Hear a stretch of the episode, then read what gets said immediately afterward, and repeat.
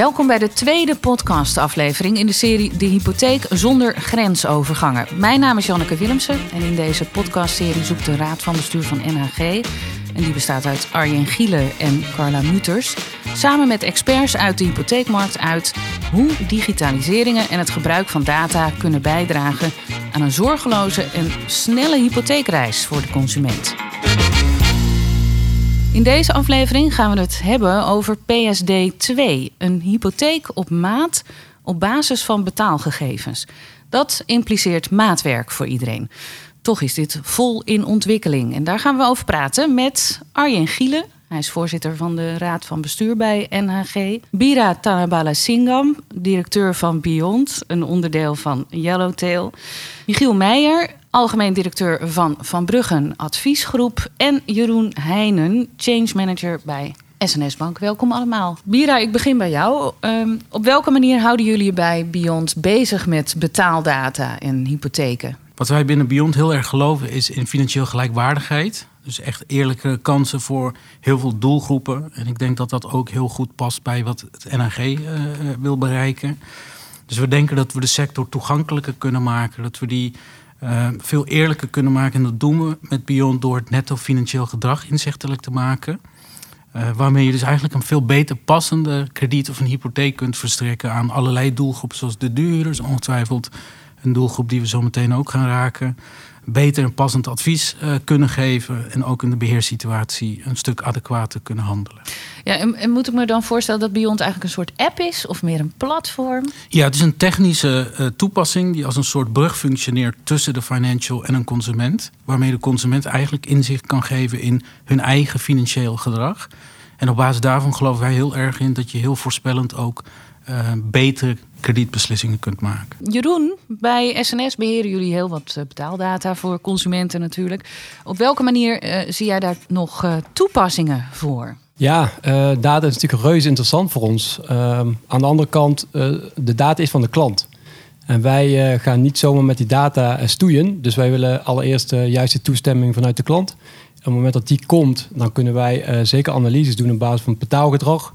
Het inzicht creëren voor de klant. Uh, en dus ook voor onze adviseurs, waarmee je dus een hypotheek zou kunnen verstrekken op termijn. Maar we zien met name in onze uh, risicomodellen dat de data vanuit PSD2 dat die nog niet gezien wordt als uh, ja, waarmee we de risicodrivers van onze hypotheekaanvragen kunnen realiseren. Dus wij gaan uit van documenten nu. En door wie wordt dat dan nog niet zo gezien? Door de consument of door jullie zelf? Door onszelf. Uh, ja, dus we gaan eerst proberen het te realiseren vanuit de techniek. Um, dat is stap 1. Volwassen laten worden. En vanuit daar gaan we kijken, kunnen wij op basis van die data een uh, hypotheek verstrekken. Maar uh, dat is een, een, een, tweede stap in ons, uh, in ons idee. Om een goed advies te kunnen geven is natuurlijk een totaal overzicht van financiën van de klant heel belangrijk.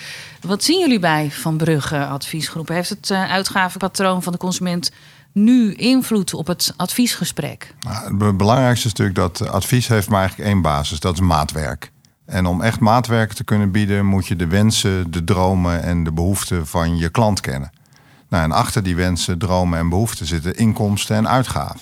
En door PSD2 krijgen wij ook als adviseurs een veel beter inzicht in de daadwerkelijke inkomsten en uitgaven waardoor je dromen ook op een verantwoorde manier kunt realiseren. Ja, en, en zonder PSD2, ik bedoel, heb je dan ook al inzicht in, in het uitgavenpatroon? Nou ja, vroeger hadden we bijvoorbeeld het befaamde Nibud-formulier, wat je dan fysiek met een klant moest invullen en waarbij een klant ging kijken of hij echt 43 euro voor zijn telefoonabonnement betaalde. En nu is het mooie dat dat volledig digitaal is. We kunnen alles zien. Je ziet ontwikkeling in die inkomsten en uitgaven.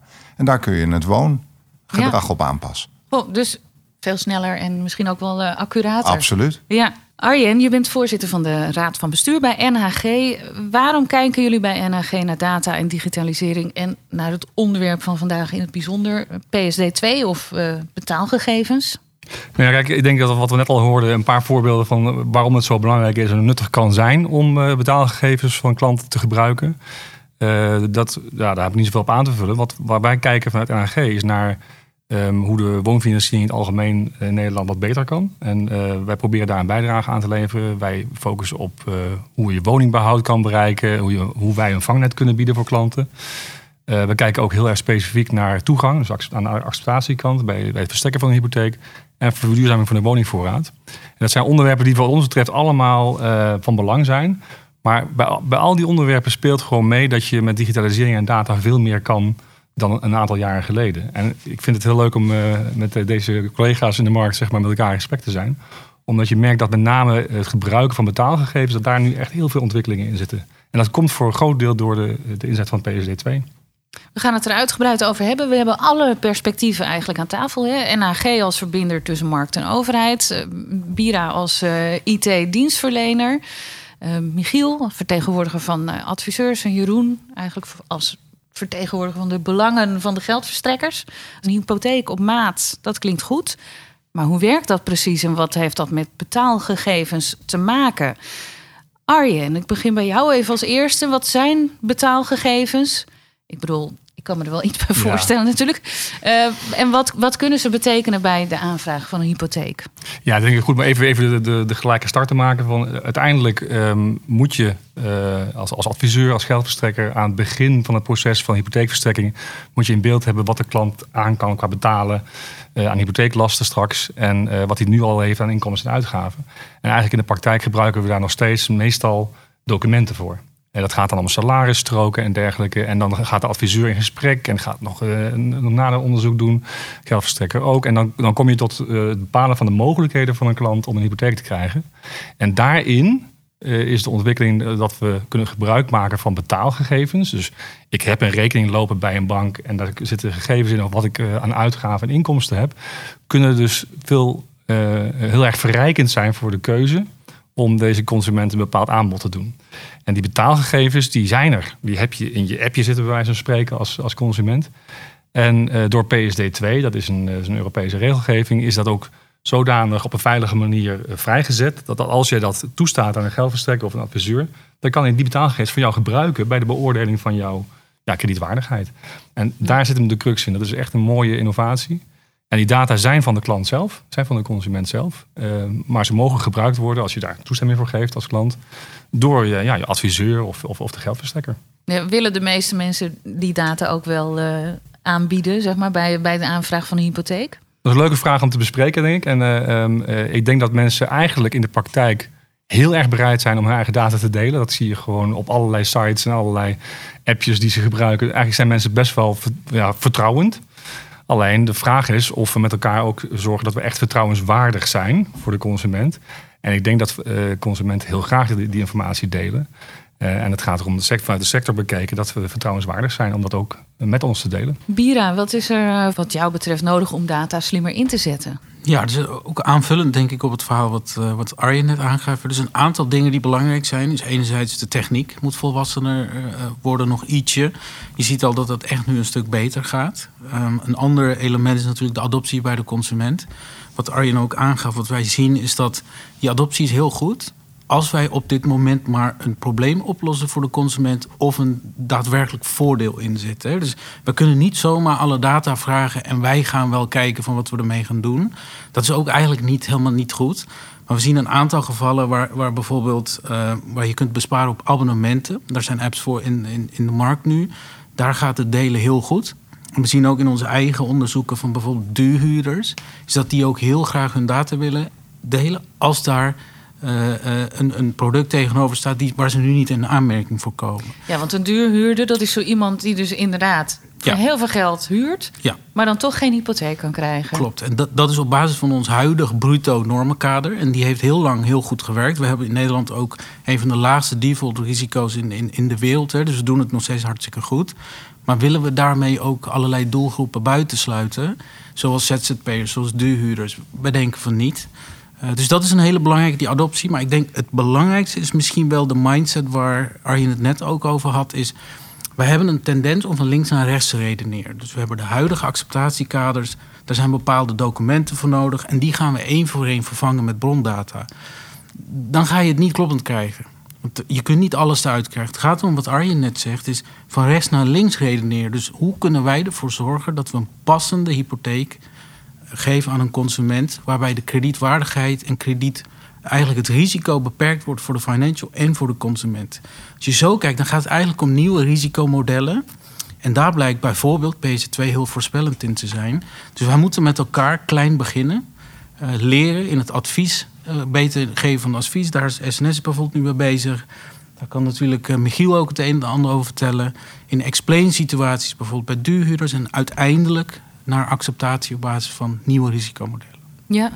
Uh, wat zou er nou gebeuren als we die betaaldata niet optimaal uh, benutten? Kan je nog ja, iets vertellen over hoop, de risico's ja. bijvoorbeeld? Wat maakt dat erg? Ja, ik denk, kijk, onze droom uiteindelijk, de mensen die van mij is, dat elk mens op basis van zijn eigen financiële prestatie dat kan inzetten om geëvalueerd te worden voor een hypotheek van een ander product. Dat gebeurt ook in allerlei andere sectoren. Bij sport, het is jouw prestatie die jou ergens brengt. Bij de, bij, in je schoolsituatie is het jouw prestatie die ergens... Het gaat erom dat je gelijke kansen krijgt. Nou, we kunnen nu eindelijk inzicht hebben in iemand hun financieel gedragspatroon. En daar kunnen we mensen mee helpen. Dus als we die gedachte naar ons uitgangspunt nemen, dan betekent dat dus dat we als financial processen veel scherper inzichtelijk kunnen hebben. Dat we efficiënter zijn, dus minder menselijk handelen nodig. En uiteindelijk dus ook een veel betere dienstverlening. Dus het is niet alleen maar een nobel doel uh, uh, waar ik het over heb, het heeft daadwerkelijk ook voordelen voor de financial. Het zou heel zonde zijn als we daar niet gebruik van maken. Ja, voordelen voor de financial. Jeroen, kijk ik dan meteen even aan. Hoe ziet SNS dit? Want nou, PSD 2 bestaat al een tijdje. Um, je gaf net al iets aan van we zijn er nog niet helemaal. Of we zijn er nog niet helemaal klaar voor. Waarom uh, duurt dat zo lang?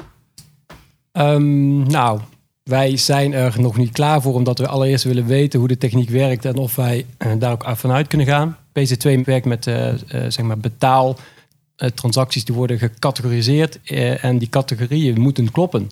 En wij als bank gaan uit van de juistheid van die data. Dat doen we nu op basis van documenten. En dat moeten we ook gaan doen, denk ik. Want ik ben het volledig met Bira eens. Um, wij moeten dat ook gaan doen op andere datapunten. En PC2 is daar één van.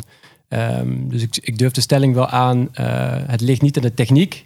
Het ligt meer aan de volwassenheid. het vertrouwen binnen de banken. Maar wij zien de enorme potentie ervan wel degelijk. Ja, en hoe weet je of hoe waarborg je dat de consument dan goed behandeld wordt? Dat, dat, dat er ook goed met die data uh, en de gegevens en hè, de doorberekening, dat daar, dat daar goed mee omgegaan wordt? Ja, allereerst uh, vragen we expliciet toestemming uh, aan de klant om de data te mogen krijgen. Uiteraard zijn we als bank ook zeer scherp op het feit dat de data juist bewerkt wordt, verwerkt wordt door de leveranciers en bij ons komt. En uiteraard onze uh, modellen moeten aangepast worden om die data te kunnen verwerken en daarmee ook een hypotheek te kunnen verstrekken. Ja, nogmaals, uh, wij werken nu met, met risicomodellen. Die zijn gebaseerd op documenten met name. En onze risicomodellen moeten worden aangepast. Dus uh, wat wij willen doen graag is starten met PC2-data om de data te verkrijgen, zodat we daarna onze risicomodellen kunnen aanpassen. Maar wij, wij willen dat stap voor stap doen. We willen eerst leren van PC2 en mee omgaan, klantfeedback, adviseursfeedback, zodat wij iets neerzetten waar, uh, waar je echt uh, mensen in mee hebt en vanuit daar onze risicomodellen aanpassen. Michiel. Ja, Jeroen, wat, wat is in jouw perspectief, wanneer gaat de adviseur en de consument hier iets van merken dan? Nou, wat mij betreft snel, want PZ2 staat bij ons echt wel op de agenda voor dit jaar om te realiseren. Uh, PZ2 en hypotheekverstrekking, dat zie ik dit jaar helaas nog niet gebeuren, omdat we eerst die leercurve nog door moeten. Uh, wij willen graag leren van die PC2-data en die categorieën. Dus wat vinden klanten van een adviseur?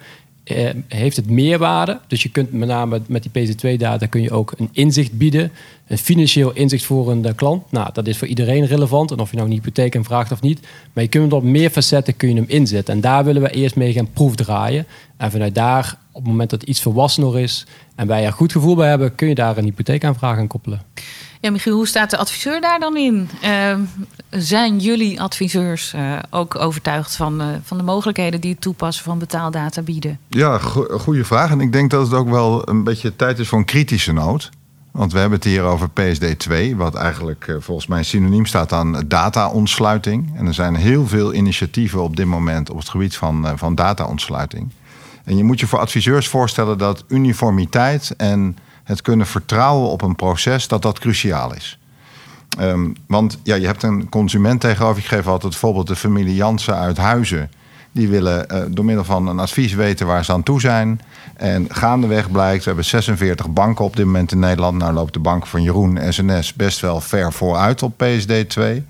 Um, maar er zijn dus ook heel veel banken die daar andere manieren voor hanteren. En je moet als adviseur dus maar weten welke manier is dat. Ehm, nou, als je daar even naast zit, dan wordt de consument daar eh, de dupe van. Dus adviseurs die willen wel. Alleen ik pleit echt voor uniformiteit. Ook aan de kant van banken, aan de kant van NAG en in de keten. Ja. En dat is denk ik cruciaal om ook adviseurs helemaal over de streep eh, te krijgen. Uniformiteit, eh, Arjen, zie je daar mogelijkheden voor? Ja, ik vind het een heel interessante eh, koppeling. Want even vanuit NRG bekeken hebben we deze discussie best wel vaak. Ehm, wij hebben bijvoorbeeld een, tijd, een paar jaar geleden gekozen om maatwerk te helpen ondersteunen vanuit NHG. En dat wordt door sommigen, bijvoorbeeld door AFM, wel eens gezien als ja, maar je kunt geen standaarden voor maatwerk maken. Dat kan niet, want het is maatwerk en het is individueel. En tegelijkertijd, dat is ook zo, hè? dat is heel herkenbaar. Tegelijkertijd is het punt wat, uh, wat hier maakt heel erg terecht, denk ik. Uh, wij zijn erbij betrokken bij deze discussie, omdat we denken dat het helpt als we ook vanuit NHG ja, helpen die standaarden te ontwikkelen. En ik ben daar heel positief over. Juist dat er dus uh, wordt geëxperimenteerd, dan is er beweging. Dus de kritische nood snap ik. Alles kan sneller. Hè?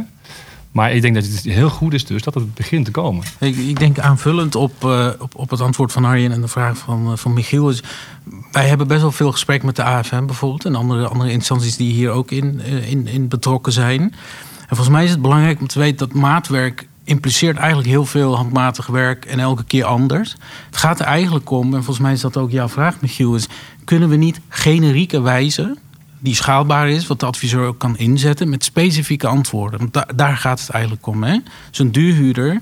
Het moet niet zo zijn dat we voor elke duurhuurder apart moeten gaan berekenen op een aparte manier van wat dat past. Dat is eigenlijk de huidige manier van explainen. Het gaat erom dat we op een generieke manier op dezelfde manier die ook terug te herleiden is naar de data die gebruikt is, maar dan met een specifiek antwoord voor die persoon op basis van hun gedrag. Ik denk dat dat gaat helpen. Dus generiek, maar toch op maat. Uh, hoe kijk jij daarnaar, Jeroen? Op de huidige manier heb je iedereen die valt in de gemiddelden. Terwijl op het moment dat je PSD2-data gebruikt, uh, is het heel specifiek. Dus iemand die uh, heel goed met zijn geld omgaat, kan misschien wel meer budget gebruiken om een huis aan te kopen ten opzichte van de richtlijnen die nu gelden. Anderzijds haal je er ook de klanten uit die een hele dure hobby hebben en die juist minder kunnen lenen. Dus nogmaals, specifiek op de klant gericht, denk ik dat het juist iets positiefs kan brengen in de betaalbaarheid van een hypotheek. En niet zozeer in je verdient dit, dus dan mag je vanuit de norm dit uh, gebruiken als woonbudget. Nou, ik zou hem juist anders zien. Ik denk dat het veel eerlijker is en ook veel meer aansluit in een klantbelang. Interessant. Ja, leuk had ik nog niet over gedacht. Als je een dure hobby hebt, dan, uh, dan zit je hè, met PSD 2. Het, het, is natuurlijk wel dat ethisch aspect. Misschien is dat iets nog wat, wat we gaan raken. Kijk, in PSD 2, daar vertrouw je dus de financial met heel veel gevoelige data. En wij moeten daar heel goed in kijken wat we daar ethisch kunnen doen. Wij kunnen dus met een hoge mate van zekerheid voorspellen of je gaat scheiden of niet. Als jij bijvoorbeeld binnen een straal van vijf kilometer een hotelletje boekt, dan weten we dat er iets niet soeps is. Maar daar gaan we niet op acteren. En dat is echt wel belangrijk dat we dat met z'n allen afspreken. Ja, Jeroen. Ja, dat willen wij ook absoluut niet Nee, weten. precies. Nee, het gaat ons absoluut niet om betaaltransacties. Ja, Uh, precies. het gaat om, om die categorieën even heel duidelijk Ja, maken. nee, dat is goed om, Ja, om dat even te benadrukken. Ja, daar kunnen consumenten bang voor zijn en dat willen we ook absoluut Ja, niet. dus hier altijd in het geval van ethische vraagstukken in het voordeel van de consument. En dat is denk ik belangrijk om uh, te blijven benoemen. Jeroen, kun je nog een paar voorbeelden noemen van hoe er al gebruik wordt gemaakt van uh, betaalgegevens hoe, hoe in de markt en hoe SNS het doet? Um, ja, ik hoorde net Nibud-formulier. Dat is inderdaad de, de, de, manier waarop wij dat ook herkennen met, met een PDF handmatig vullen. Um, bij maatwerk onder andere, om iets uh, aan te tonen dat iets potentieel wel zou kunnen. Nou, dat zou je kunnen automatiseren met PSD2. ik zie het in de markt nog niet heel veel, helaas. maar het begint wel te komen, dus het is wel echt iets in, in ontwikkeling. Um, wij hebben er als de Volksbank een aantal jaar geleden ook een pilot mee gedaan. En de, de uitkomsten waren daar positief. Dus we hebben daarnaast het, het reguliere manier hebben ook gekeken naar PC2-transacties. En je zag daar eigenlijk dat je met PC2 misschien wel specifieker kunt voorspellen dan met de traditionele manier. Dus uh, wij hebben daar positieve resultaten uit gehaald. En voor de daar dat we ook daarin doorgaan. Arjen, wat betekent het gebruik van betaalgegevens in de keten voor jullie? Oh ja, alles. Alles. nee, wat, wat voor ons heel belangrijk is, even vanuit NAG, wij, zijn uh, een speler in de keten en wij, wij, hebben contracten met alle geldverstrekkers. En juist wat er in de keten gebeurt, is essentieel voor het functioneren van wat wij willen bereiken. En um, wij proberen dus uh, vanuit NAG met de missie om, woonfinanciering verder te verbeteren, uh, hebben we eigenlijk alle ketenpartners nodig. Dus ik, ik vind het ook heel mooi dat we dat ook steeds meer aan het doen zijn met elkaar. En ook op het gebied van betaalgegevens. De vorige keer ging het over brondata delen. Nou, dat is ook een heel, heel belangrijk thema. Eh, dit is er één. Onze volgende podcast die gaat weer over de wat bredere vragen die daar achterweg komen op het gebied van apps en online omgevingen en dergelijke. Maar zeker bij PSD 2 denk ik dat we vanuit de NAG, juist ook met onze sociale missie, onze sociale doelstelling, daar heel veel belang bij hebben. Dat het goed gebeurt. En daar dragen graag bij. Michiel, wat is er eh, nou nodig om de adviseurs verder in beweging te krijgen? Wat heeft die adviseur nodig? Of, of wat kan de adviseur met automatisering? Nou, als we, Janneke, naar de moderne adviseur kijken, dan is dat eigenlijk een financieel regisseur. Dus wat hij eigenlijk leuk vindt is met jou. Hè, nou, ik, ik weet dat jij toevallig uh, fanatiek strandhuisje bezitter bent. En een adviseur vindt het leuk om met jou samen te kijken naar wat is voor jou de beste manier om dat te financieren. Maar wat zijn jouw wensen en behoeften ook naar de toekomst toe? Een deel van het advieswerk bestaat nu uit het verzamelen van data. Nou, jij bent ZZP'er. We hebben allerlei gegevens van jou nodig. En daar word jij niet vrolijk van en de adviseur ook niet. Dus waar adviseurs heel erg voor pleiten, is het versimpelen van het ophalen van data. Nou, daar gaat PSD2 nadrukkelijk bij helpen. Maar wat ik net al zei, is dan de uniformiteit en de duidelijkheid dat als je die data gebruikt, dat er niet weer straks een geldverstrekker is of uh, eh, NAG of een toezichthouder die zegt: ja, je hebt die data wel gebruikt in uh, de situatie van Janneke en haar uh, tweede huisje, maar die had je niet mogen gebruiken. Want daar wordt Janneke niet blij van en de adviseur dus ook niet. Nee. Dus uniformiteit, duidelijkheid en gewoon een overzichtelijke keten op dit vlak gaat echt helpen. Ja, duidelijke oproep eigenlijk. Uh, Bira, ja, de centrale vraag in deze podcast is eigenlijk: uh, zit de consument wel op deze ontwikkeling te wachten? Ik bedoel, ik heb nu al een aantal voordelen gehoord hoor. Maar zijn er al uh, eerste reacties van consumenten bekend? En hoe vinden ze het bijvoorbeeld dat eh, bedrijven inzicht krijgen in hun inkomsten en uitgaven? Kijk, de consument zit niet te wachten op technologische ontwikkelingen aan zich. Hè. Zeker niet in een non-interest sector zoals die van ons. Van poeh, kijk ons, we hebben PC2 en dat is heel cool. En dan kunnen wij heel veel dingen mee. Zo hebben wij het eigenlijk benaderd een aantal jaar geleden. Dus zag je een aantal banken die. Uh, daar gingen we dan de data van gebruiken om productvoorstellen voor te doen. Dat, is, dat, dat heeft niet gewerkt. Waar we het dus net over hadden, en dat is echt heel belangrijk, is de urgentie die erachter zit voor de consument. Dus lost het een probleem op? En want eigenlijk wil niemand in de financiële sector komen voor zijn lol. Of iemand koopt een huis of iemand zit met iets anders bezig. En daar zijn wij een soort, uh, dat moet. Bij ons moet je langskomen als je geld wil. En dat moeten we makkelijker maken en eerlijker. En als dat gebeurt, dan staan ze erop te wachten. Of heel plat als er een voordeel zit. En zo zijn we zelf ook dus als je ergens een voordeel bent, uh, of als je ergens een voordeel hebt, dan ga je daar gebruik van maken. Dus in de hoek maar dat begint nu wel te komen, dat consumenten ook het voordeel ervan Die zien, het nu, hè. Dus, maar dat ligt ook aan ons. Dus voor, als je een consument vraagt, is een heel cliché voorbeeld natuurlijk. Heb je, heb, je hebt een, een, telefoon en een laptop. Heb je behoefte aan een iPad? Dus ja, wat, wat, moet een iPad tussen een telefoon en een laptop? En nu kan niemand ermee zonder. Dus het is aan ons om echt kraakhelder te maken wat het is wat zij eraan hebben. En dat moet een voordeel voor ze, voor ze geven. En we zien de eerste resultaten, die zijn positief. Dus een, een, er zijn apps die nu eh, de data ophalen om mensen de goedkoopste abonnementen te maken. Die gaan dan ook voor je uh, onderhandelen aan de achterkant. Dat gaat goed. En we zien in het geval van bijvoorbeeld duurhuurders uit de onderzoeken... dat die echt graag hun data willen delen. Als ze daar rentekorting op krijgen of een, een hypotheek die ze nu niet kunnen krijgen. Ja, daar kan ik me wel iets bij voorstellen, inderdaad. Uh, Jeroen, naast uh, de hypotheekmarkt zijn er natuurlijk veel meer partijen actief op het gebied van data.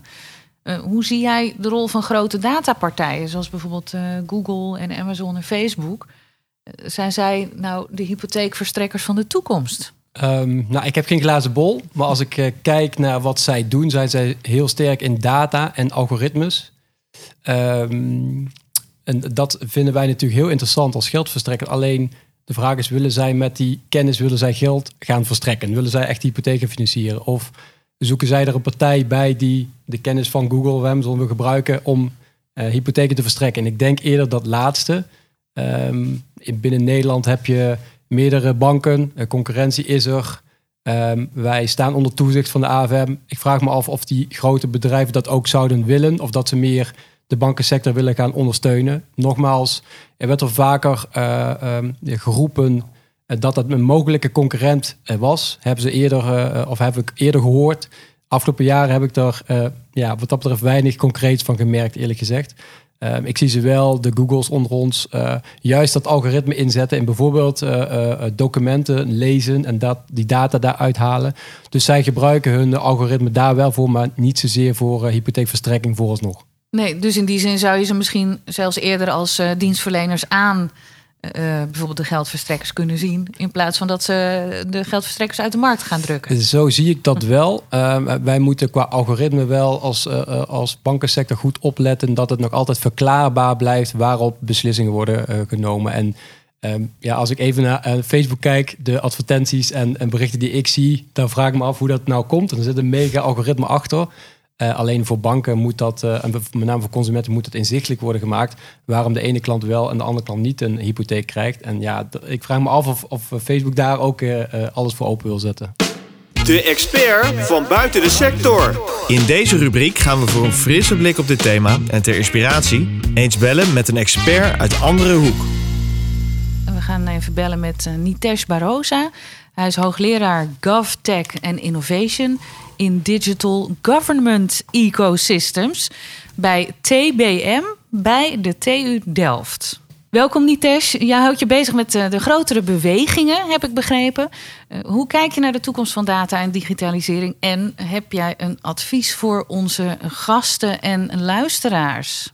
Ja, dank je. Hele interessante vraag. En uh, sluit denk ik heel goed aan bij deze discussie.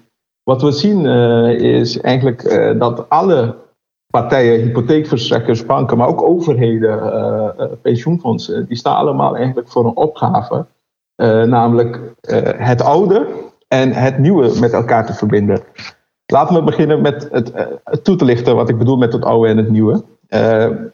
het oude. De afgelopen twintig jaar hebben alle organisaties, zowel publiek en privaat, hun eigen processen zo gedigitaliseerd dat zij grote volumes aan data konden verzamelen, opslaan en verwerken. De organisatie en haar administratieve processen staan centraal. En dat heeft uh, tot heel veel uh, winst uh, geleid. processen konden efficiënter en, en, en sneller worden uitgevoerd. En wat is nu het nieuwe?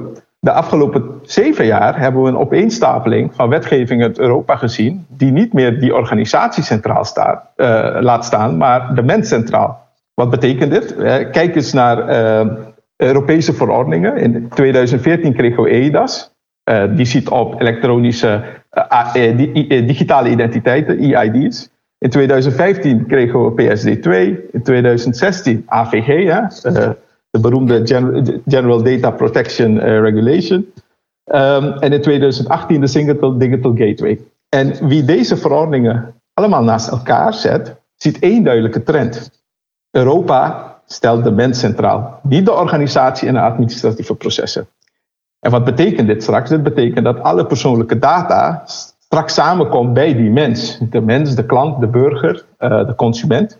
Die wordt straks het data-integratiepunt. En niet meer je eigen portaal of app waarmee je probeert je klant te bedienen voor een bepaalde dienst. Dus wat betekent dat voor organisaties? Zij raken dus een beetje het eigendom of misschien wel de grip over hun eigen organisatie kwijt? Nou, dat, zo zou ik hem niet formuleren. Ik zou hem anders formuleren. Kijk, wat, wat we komende jaren gaan zien, en, en dat is nu al begonnen, is dat er allerlei nieuwe spelers op de datamarkt komen. En die datamarkt is veel groter dan het hypotheekdomein, het, het bankaire domein of uh, publieke diensten en de overheid. Die gaat namelijk dwars over al die domeinen. En wat Europa in feite heeft gesteld is, ja, let op, hè, ook in reactie op een Facebook en, en, en Google, waar je ziet dat data voor allerlei processen wordt gebruikt zonder dat mensen daar toestemming voor hebben gegeven. Nou, Europa pakt dat nu anders aan, uh, treft daarbij ook geen halve maatregelen. Die heeft gezegd, ja, wacht even, achter elke digitale transactie moet er zekerheid zijn. En die zekerheid begint bij een hoogwaardige digitale identiteit. We moeten weten wie achter uh, een dataverzoek zit en wie data aanbiedt. We moeten ook weten of die persoon daartoe gemachtigd is en bevoegd is. Dus uh, wat je krijgt is uh, wat Europa noemt Qualified Trust Service Providers. Dat is een nieuwe term voor een nieuwe markt van partijen die middelen gaan verstrekken, zoals digitale identiteiten, maar ook data wallets. Hè, waarin je als burger digitaal kunt handelen, je kunt data binnenkrijgen, je kunt rechtsgeldige elektronische handtekeningen plaatsen. En de hypotheekverstrekkers, maar dat geldt niet alleen voor hen opnieuw, ook voor uh, uh, banken, pensioenfondsen, verzekeraars en ook overheden, moeten dit een plek zien te geven in die oude wereld die ze hadden opgetuigd met hun eigen backends en, en, en klantportalen. Wat zou jouw uh, advies of oproep zijn aan de mensen die hier bij mij aan tafel zitten? Ja, ik, ik denk dat de, mijn oproep zou zijn in het verlengde ook van wat Arjen eerder zei. Uh, je, je gaat nu, dit is nieuw. En elk domein worstelt ermee.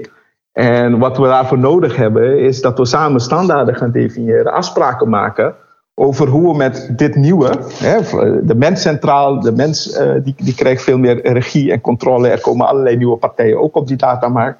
Ik denk dat de opgave is, mijn advies zou zijn, ga daar met elkaar in gesprek, probeer samen te werken om die standaarden en afsprakenstelsels die nodig zijn, om dit in goede banen te leiden, vorm te geven. Want als je dat niet doet, eh, ga je zien dat er allerlei afspraken en keuzes worden gemaakt waar je als hypotheekverstrekker of eh, andere partij straks eh, last van kreeg, omdat je niet samen in dat ontwikkeltraject zat. Dankjewel voor je bijdrage, Nitesh Barosa van de TU Delft. Graag gedaan. Arjen, hoe kijk je ernaar, naar wat hij allemaal aangeeft? Nou, ik ben er wel blij mee. Ik, vond, ik hoor terug samen en samenwerken. En dat is wat mij betreft echt samenwerken in de keten. In ieder geval in ons geval hypotheken. Uh, ik hoor ook uh, de roep om standaarden. Volgens mij hebben we daar ook met elkaar hierover. Ik vind het heel waardevol om daar goed naar te kijken. En ik voeg daaraan toe, zelf in ieder geval samen innoveren en experimenteren. Ik denk dat dat heel erg waardevol is uh, als next steps. Bira, hoe, hoe ziet de nabije toekomst eruit voor Beyond? En wat vond je van wat Nitesh hier allemaal aangaf? Ja, helemaal mee eens. Ik denk het, het stukje samen, ook het stukje Kijk, wij hebben de neiging ook om in productsilo's te denken. Want we zijn in productsilo's in Nederland georganiseerd. Maar een consument redeneert niet zo. Die heeft een leven en die heeft daar bepaalde live events, die heeft daar bepaalde behoeftes. En hoe meer we over die behoeftes en productsilo's overheen kunnen stappen. En als sector gewoon kunnen kijken naar wat is er nou nodig om zo'n consument gedurende hun leven te helpen. Ja, dat kan ik alleen maar uh, beamen en, en, en uh, supporten. En wat daar onze rol bij is, als, als vanuit Yellowtail Beyond, is om de brug te slaan tussen die silo's en tussen de data en, en hoe je dat kunt vertalen over al die live events heen.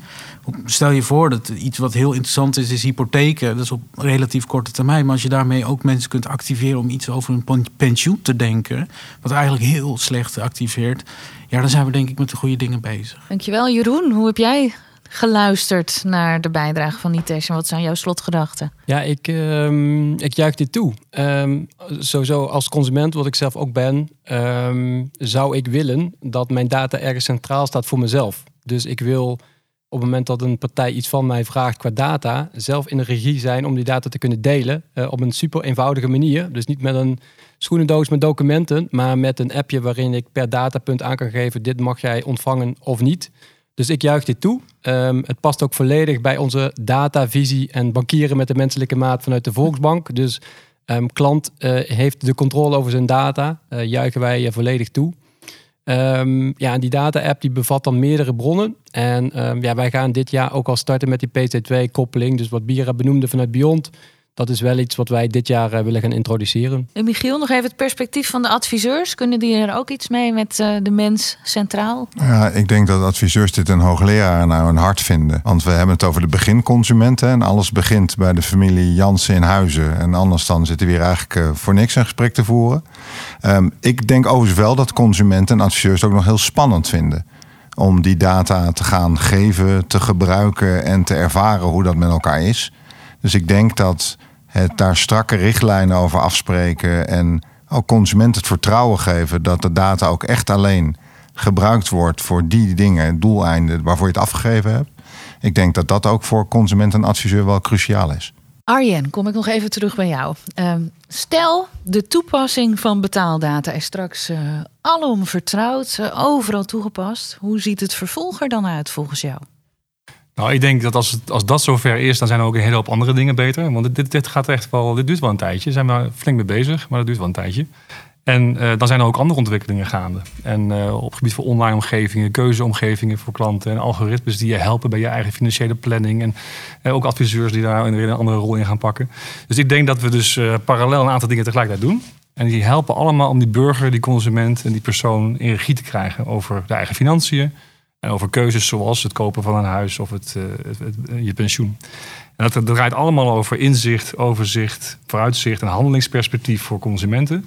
En het is wel leuk, dat is een leuk bruggetje voor de volgende podcast. Want die gaat eigenlijk vooral daarover. Van als je nou een, verdere horizon pakt en je kijkt eh, naar de verdere toekomst je mag een beetje dromen, waar, waar denk je dan aan? En daar gaat de volgende over. Dit was de tweede aflevering in de serie De Hypotheek zonder grensovergangen. Waarbij we een specifiek stukje brondata bespraken: betaalgegevens. We zijn het erover eens dat veel potentie in juist gebruik van betaalgegevens schuilt. Ik bedank eh, host Arjen en de gasten Bira, Michiel, Jeroen en Nitesh. Dank jullie wel voor jullie expertise en enthousiasme. En uh, jou natuurlijk, dankjewel dat je naar ons luisterde. Wil je meer weten over een adviesgesprek, mede op basis van betaalgegevens? Of heb je specifieke vragen over de plannen van NHG, Beyond en SNS? Kijk dan op nhg.nl slash kennis-innovatie. Binnenkort dan zijn we terug met een nieuwe aflevering rondom digitalisering en data. Informatie hierover vind je snel op de website van NHG. Heel graag tot dan.